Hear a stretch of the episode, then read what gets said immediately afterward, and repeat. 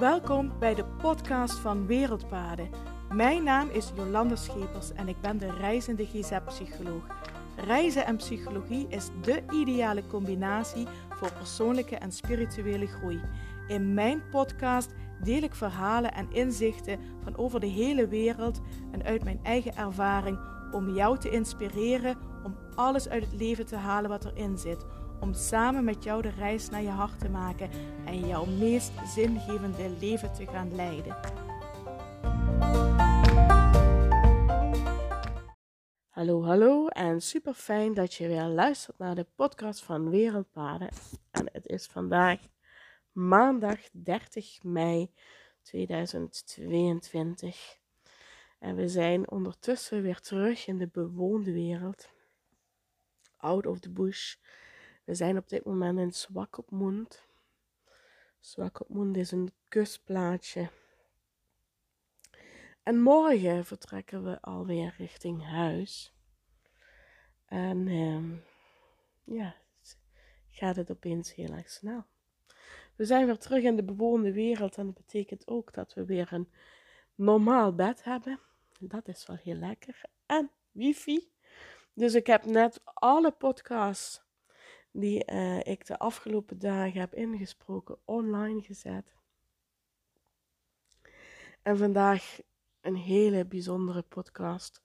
Want we zijn de afgelopen drie dagen met een hele bijzondere man uh, de bush ingetrokken.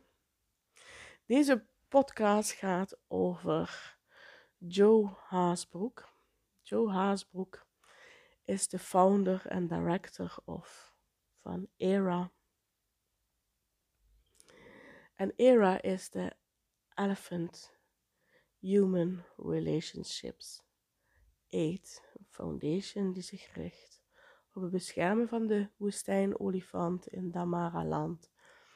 Maar daarnaast ook de boeren in het gebied beschermt tegen de olifant. En ik kan wel met recht zeggen um, dat Joe de Elephant Man is. Hij heeft zoveel ervaring met olifanten. Hij heeft ja, echt wel tussen ze ingeleefd en ze zo goed geobserveerd. En zoveel mooie, bijzondere, maar ook hele pijnlijke verhalen die hij weet te vertellen over uh, de olifant. En dit verhaal gaat ook over Voortrekker.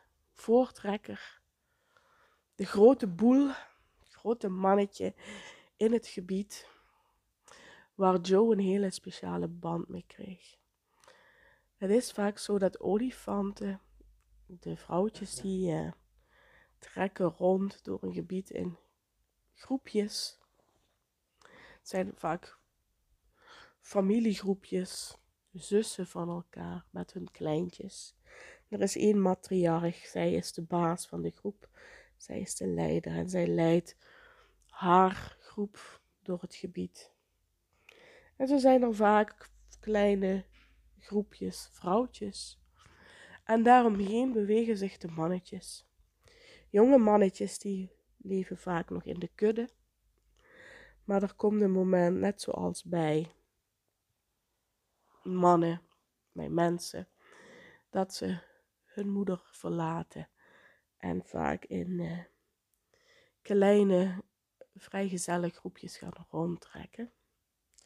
En er is één boel, de oude wijze boel, zeg maar, de king, die zorgt voor alle vrouwtjes, voor alle mannetjes. Dat alles goed gaat. Houdt iedereen in de gaten. En in het gebied waar Era werkt, was dat voortrekker. Voortrekker, de oude boel. En Joe kreeg een hele bijzondere band met voortrekker. En voortrekker werd ook het boegbeeld van Era, van de Foundation. Iedereen kende Voortrekker. Voortrekker was beroemd. En Het verhaal loopt eigenlijk heel verdrietig af. Voortrekker, de oude wijze boel. Het boegbeeld van de foundation. Werd ook, ook in het oog van de trophy hunters. Trophy hunters vinden het dan extra, extra eer om zo'n, op zo'n oude wijze boel te jagen. En een aantal jaren geleden is voortrekker helaas vermoord door een trofeehunter. Wat moet dat een afschuwelijke dag geweest zijn voor Era, voor alle olifanten en voor Joe, die een hele bijzondere band met voortrekker had. En als je dat verhaal hoort, ik kan me daar zo boos over maken dat iemand alleen maar voor zijn eigen ego, zijn eigen zichzelf op de borst kloppen, zo'n prachtige olifant neerschiet. Ik kan daar, ik heb daar geen begrip voor. Ik kan daar ook me niks bij voorstellen en ik, ik kan daar ook heel boos over worden. En dat zo'n prachtig dier moet sterven voor het ego van iemand. Die dan kan zeggen, kijk eens wat ik gedaan heb.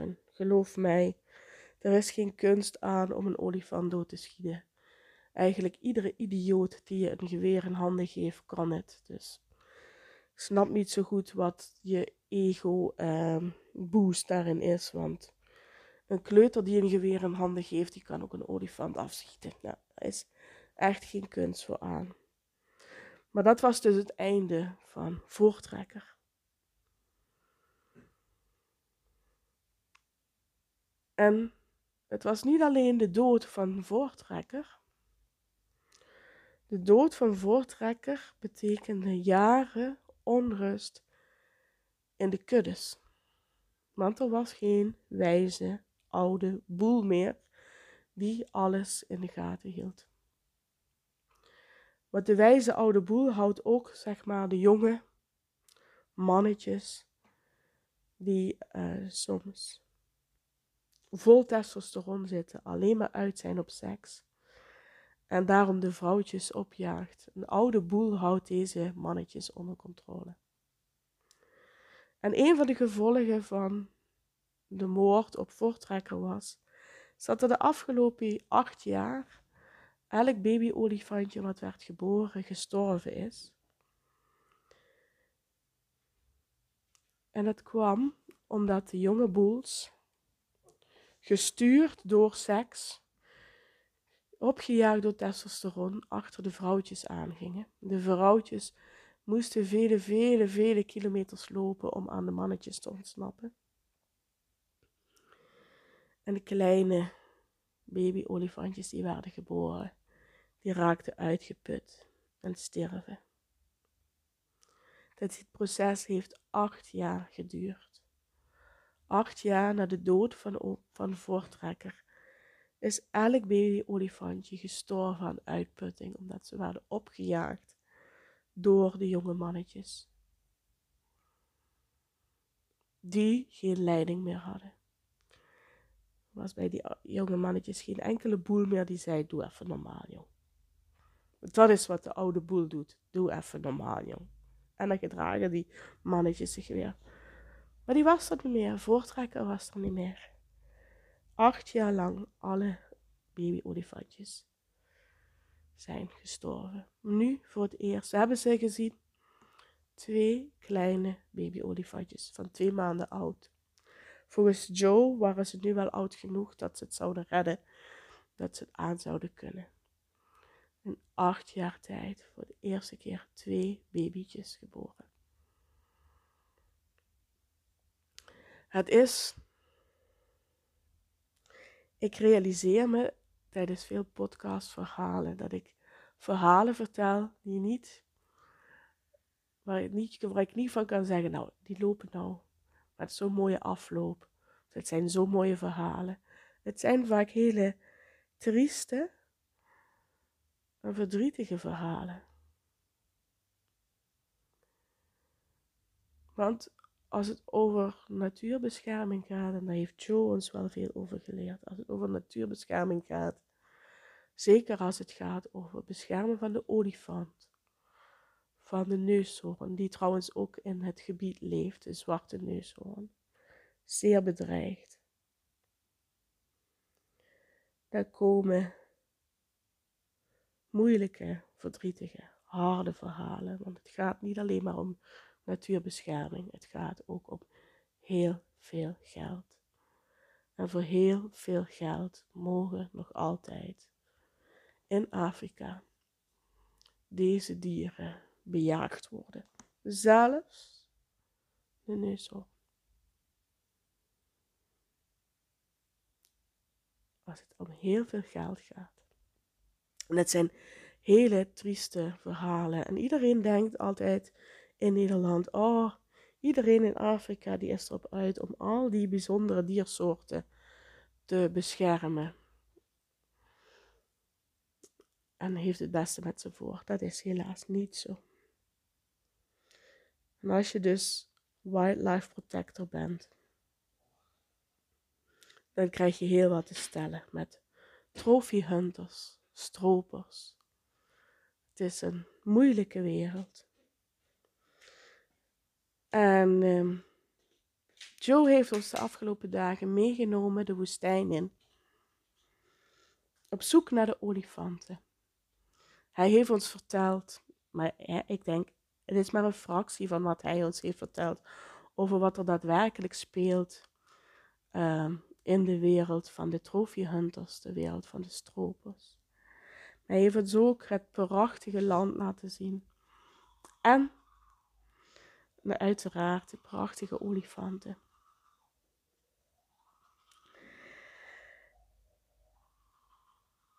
En nou Joe kan, voor mij, mensen die mij kennen, weten dat de olifant mijn favoriet is. Mijn favoriete dier, omdat ik het zo'n bijzondere dieren vind.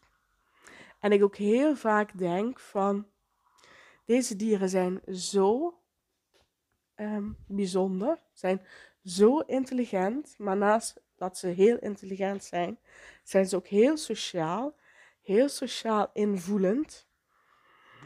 Dat ik soms wel eens denk, volgens mij, evolutionair gezien, is de olifant de mens eigenlijk voorbijgestreefd.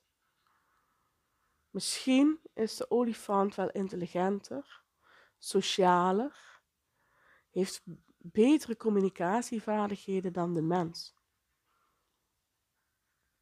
Ik denk dat wel eens.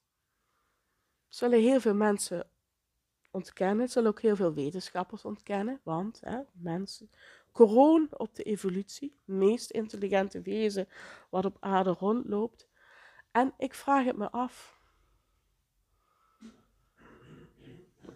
Want als de olifant niet intelligenter is, dan is hij minstens zo intelligent als de mens.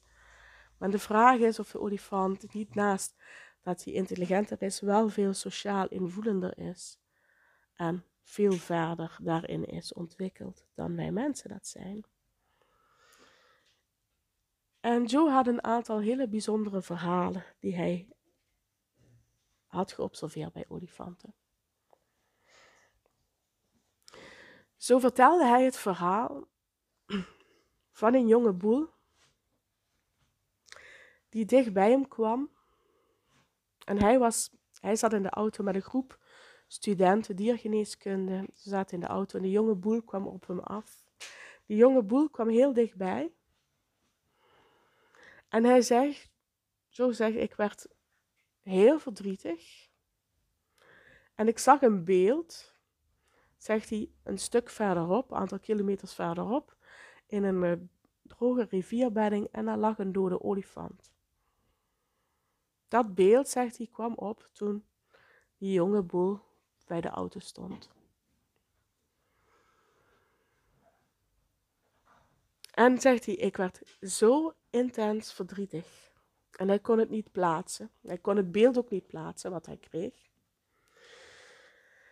De olifant ging weg en hij vroeg aan dus jonge studenten wat gebeurde er bij jullie? En al die studenten zeiden, wij voelden opeens een intens verdriet wat wij niet konden verklaren.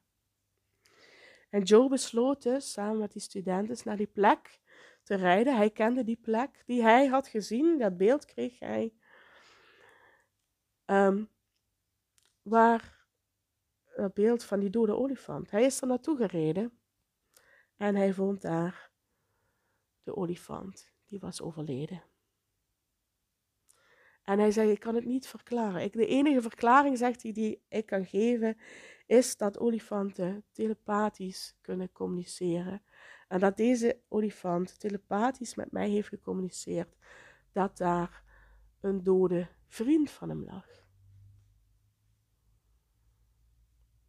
Joe is er dus ook van overtuigd dat olifanten heel erg uitgebreid uh, met elkaar communiceren. Naast dat ze hele lage tonen maken.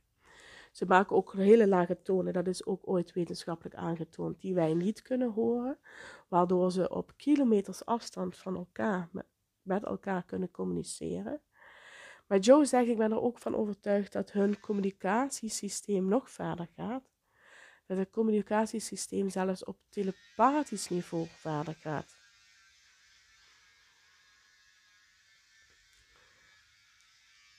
En dat, ehm, dat zou betekenen dat het communicatiesysteem van de olifant eigenlijk veel verder ontwikkeld is dan ons menselijk communicatiesysteem. Wij mensen,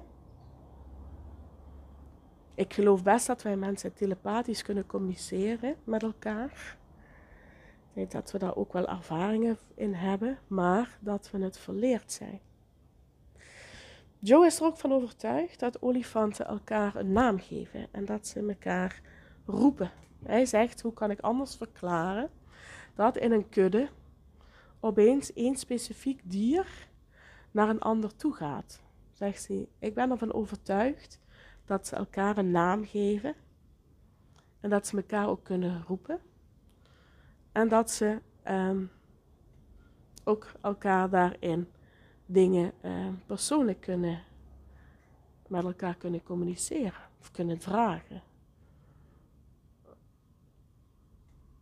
En, ja, en Joe heeft zoveel tijd met de olifanten doorgebracht. Hij heeft dat echt wel goed kunnen observeren. En ik denk, dat zou wel heel erg bijzonder zijn. En dat zou ook mij beeld bevestigen wat ik van een olifant heb, dat eigenlijk een olifant net zo ontwikkeld is, net zo intelligent, misschien wel intelligenter, net zo sociaal, misschien wat socialer, net zo'n uitgebreide communicatievaardigheden, misschien nog wel uitgebreider dan de mens heeft.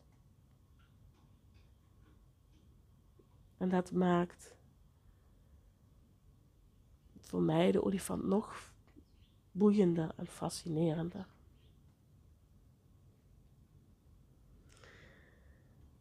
En ik had tijdens de dagen dat we met Joe in de woestijn waren, een heel bijzondere ontmoeting.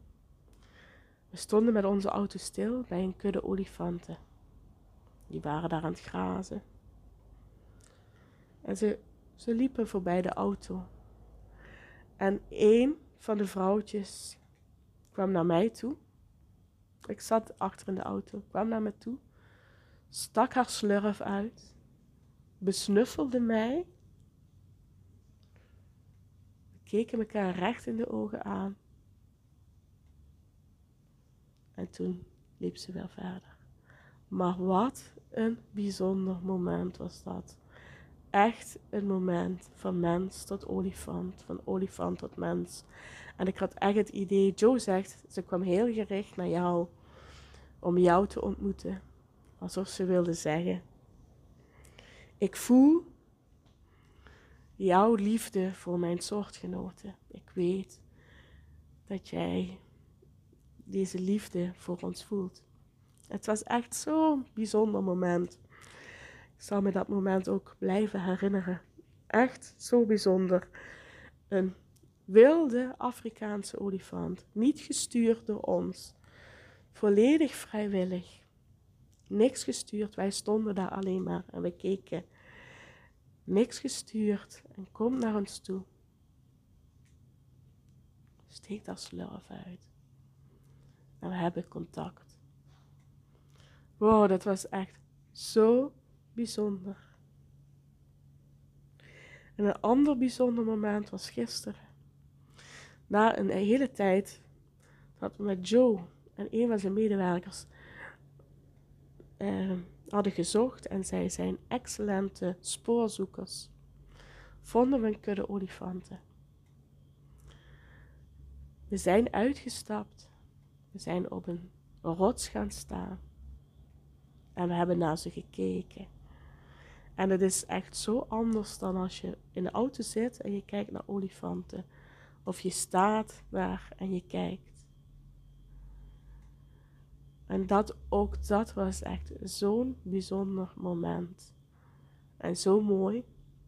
Maar, Joe zegt ook, ook gevaarlijk, zegt hij. Binnen vijf seconden, als de olifant boos wordt, binnen vijf seconden, zegt hij, staat hij naast je op deze rots. En sommige olifanten waren een beetje, keken een beetje geagiteerd. Joe zegt dat komt omdat ze niet gewend zijn dat we uit de auto zijn. Ze kennen ons vooral van in de auto, niet uit de auto. Ze keken een beetje geagiteerd. Wat doen die daar? Maar ze zakten eigenlijk heel snel weer in de rust en de ontspanning. En we zagen de twee babytjes waarin ik eerder over in de podcast over vertelde. De eerste kleine babytjes die er nu weer zijn, na acht jaar. En het hele gekke is, als je bij olifanten bent, dan voel je je heel erg rustig en ontspannen. En Joe zegt, dat is heel, hij kon er verklaren. Olifanten communiceren uh, op alfagolven met elkaar. Ons brein heeft ook alfagolven. Ons brein is in, heeft alfagolven op het moment dat wij slapen of in, meditatie zijn. Dus alfagolven hebben een heel rustgevend effect op ons brein. Dus op het moment dat wij olifanten horen, voelen, communiceren met elkaar, maar we kunnen het meestal niet horen, maar we kunnen de golven wel voelen. Die alfa-golven voelen wij en ons brein wordt rustig. Want dat zijn de golven ook in ons brein tijdens onze slaap en tijdens onze meditatie. En het is heel voelbaar als je dicht bij olifanten bent. Voel je de rust en de ontspanning over je heen komen. En ik vond olifanten al hele bijzondere dieren. En ik ben ze alleen maar nog, nog bijzonderder gaan vinden. En daarnaast was het ook een heel avontuur met Joe. Joe was trouwens niet alleen, hij had zijn vriendin Serena meegenomen. Was erg gezellig met zijn viertjes. Echt hele leuke, fijne dagen gehad. En het voelde echt alsof we elkaar al jarenlang kenden, alsof we al jarenlang vrienden uh, zijn. Hebben hele gesprekken bij het kampvuur gevoerd over het leven, over, over hoe het leven in Afrika is, hoe het leven in uh, Nederland is, over COVID, over, over alles. En het, het waren hele fijne dagen. We hebben ook echt in de bush geslapen. Dat was op een gegeven moment, op sommige momenten ook heel spannend. De eerste avond zaten we bij het kampvuur. En ik had nog mijn slippers aan, want ik had gedoucht. Ik had een uh, bushshower gehad. Een bushshower is trouwens een emmer met een kraantje eronder dat je er kunt douchen. Dat is een, en die hang je in de boom en dan heb je een douche.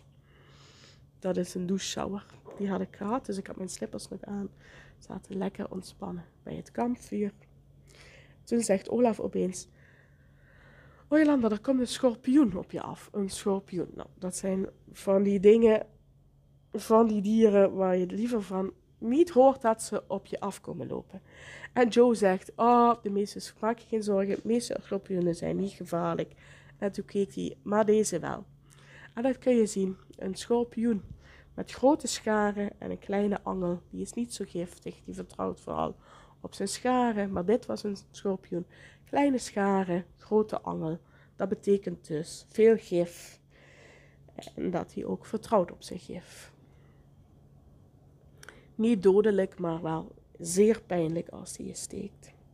Dus uh, die schorpioen hebben we snel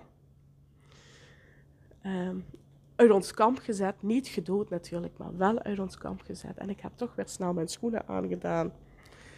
Voelde dan toch zo fijn om dat wel te doen. Maar zo, zo zie je, die dieren leven er ook en die komen ook op je af. De tweede nacht zouden we, hadden we een prachtige plek uitgekozen. En we zouden daar eh, zonder tent, gewoon onder de blote sterrenhemel slapen. Om naar de sterren te kijken. Want nergens op de wereld kun je zoveel sterren zien dan in de Afrikaanse bush. Omdat er verder geen enkele lichtvervuiling is. Het is echt prachtig. Maar we zaten te eten en daar kwamen allemaal krekeltjes. Nou ben ik niet zo bang voor krekeltjes. Maar deze krekeltjes waren 5 tot 10 centimeter groot. Serieus, die waren groter dan een muis. Vleesetende krekels die op het moment als die op jou gaan kruipen ook aan je beginnen te knagen. En toen zei Joe nog, oh, maar die komen hier alleen op het licht af. Jullie slapen daarachter, niks aan de hand. Nou, we liepen naar onze slaapplek. Er zat er al ene bijna op ons matras. En we zagen er nog vier, vijf in het gras zitten. En Olaf en ik hadden allebei zoiets van, maar hier gaan we niet zonder tent slapen. Dus we hebben echt nog besloten om de tent op te zetten. Vleesetende krekels wil je niet hebben in je slaapzak hebben zitten. En ook Joe en Serena, die uh, hadden het zeker, maar voor het onzekere gekozen. Dus die hebben ook een tent opgezet. Dus we hebben heerlijk in onze tent geslapen. En de dag daarna zat zo'n dikke krekel bovenop onze tent. Dus het is maar goed dat we de tent hadden opstaan. Want als we de tent niet hadden opgezet, had de krekel niet boven op de tent gezeten, maar had hij geheid boven op ons gezeten. En de derde nacht in de bush zijn we in, uh, zijn we in het kamp van Joe gaan slapen. Echt met een prachtig uitzicht. En daar hebben we wel zonder tent, onder de belote sterrenhemel geslapen. En het was echt prachtig. En rond zes uur, half zeven, zag ik van achter de bergen langzaam de zon opkomen. Wat een ervaring. Wat een ervaring ook om onder de blote sterrenhemel in Afrika te slapen.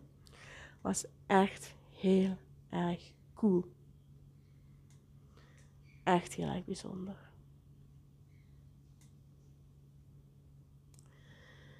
En uh, ja, we hebben het er ook nog met Joe over gehad, want het is een prachtig gebied. En we zeiden op een gegeven moment, waar zijn nou al die dieren? Zei je geen springbok, geen gemsbok. Terwijl het echt perfect gebied voor springbokken, voor gemsbokken, voor impala's zouden zijn. En het hele trieste verhaal is dan ook weer dat al die dieren bejaard zijn en afgeschoten zijn. Hij zegt, toen je hier tien jaar geleden, als je hier tien jaar geleden zou zijn, zegt hij, zou je overal dieren zien zegt hij. Maar ze zijn gewoon grote auto's, geweren achterop. Zegt ze hebben gewoon een na de ander afgeschoten. Gewoon omdat het mocht. Hoe bizar is dat? En we hebben, en we hebben in één klein groepje springbokken gezien. En voor de rest is alles, alles weg. Alles is gewoon bejaagd, doodgeschoten door de mens.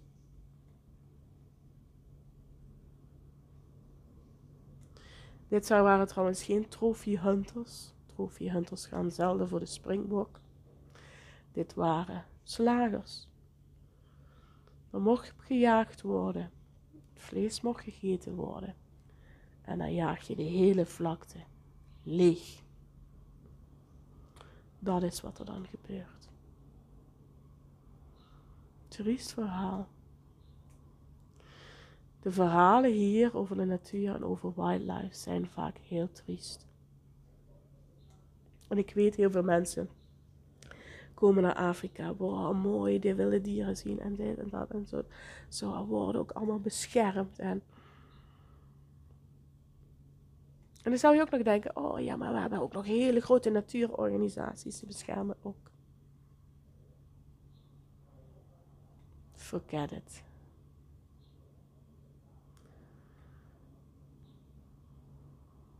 Als het om geld gaat, wordt er niet zoveel beschermd. En dat zijn grote natuurorganisaties. En ik hoop dat ze het niet bewust doen. Maar zij stellen dorpelingen aan tot bijvoorbeeld neushoorn ranger. Vertellen de mensen iets over de neushoorn. En dan zijn ze ranger, beschermer van de neushoorn. Met als gevolg dat ze ook precies weten waar de neushoorn zit. Met als gevolg dat ze de stropers precies doorgeven waar ze de neushoorns kunnen vinden en kunnen stropen. Dit is de realiteit van het verhaal van de neushoorn rangers. Onder andere gefinancierd door grote goede doelen in Nederland. Hopelijk waarschijnlijk met de beste bedoelingen, maar met een averechts effect. De rangers leiden de stropers rechtstreeks naar de neushoorns toe.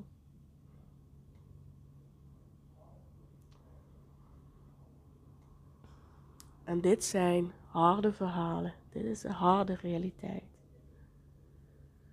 Maar het verhaal hier in Afrika, het verhaal over de Afrikaanse wildlife, is en blijft een hard verhaal. En de dieren zijn en blijven prachtig. Maar zolang er geld en macht een rol speelt, blijven die dieren het moeilijk hebben.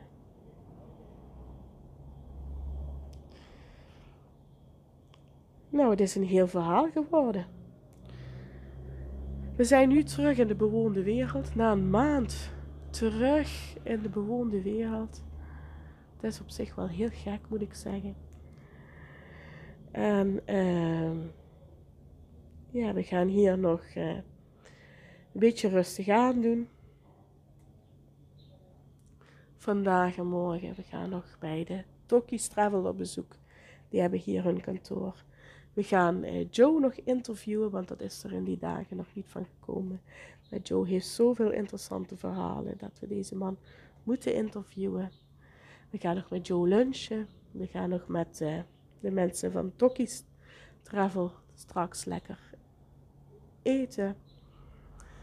Tas inpakken en morgen vroeg vertrekken we richting Walvisbaai naar de luchthaven. En dan komen we weer langzaam richting Nederland. Zeg ik, zeg voor nu dankjewel voor het luisteren. Mocht je vragen of opmerkingen hebben naar aanleiding van deze podcast, laat het me weten. Stuur me een berichtje via social media of een mailtje naar info.wereldpaden.nl. Dankjewel voor het luisteren en ik spreek je gauw weer. Groetjes, doei doei!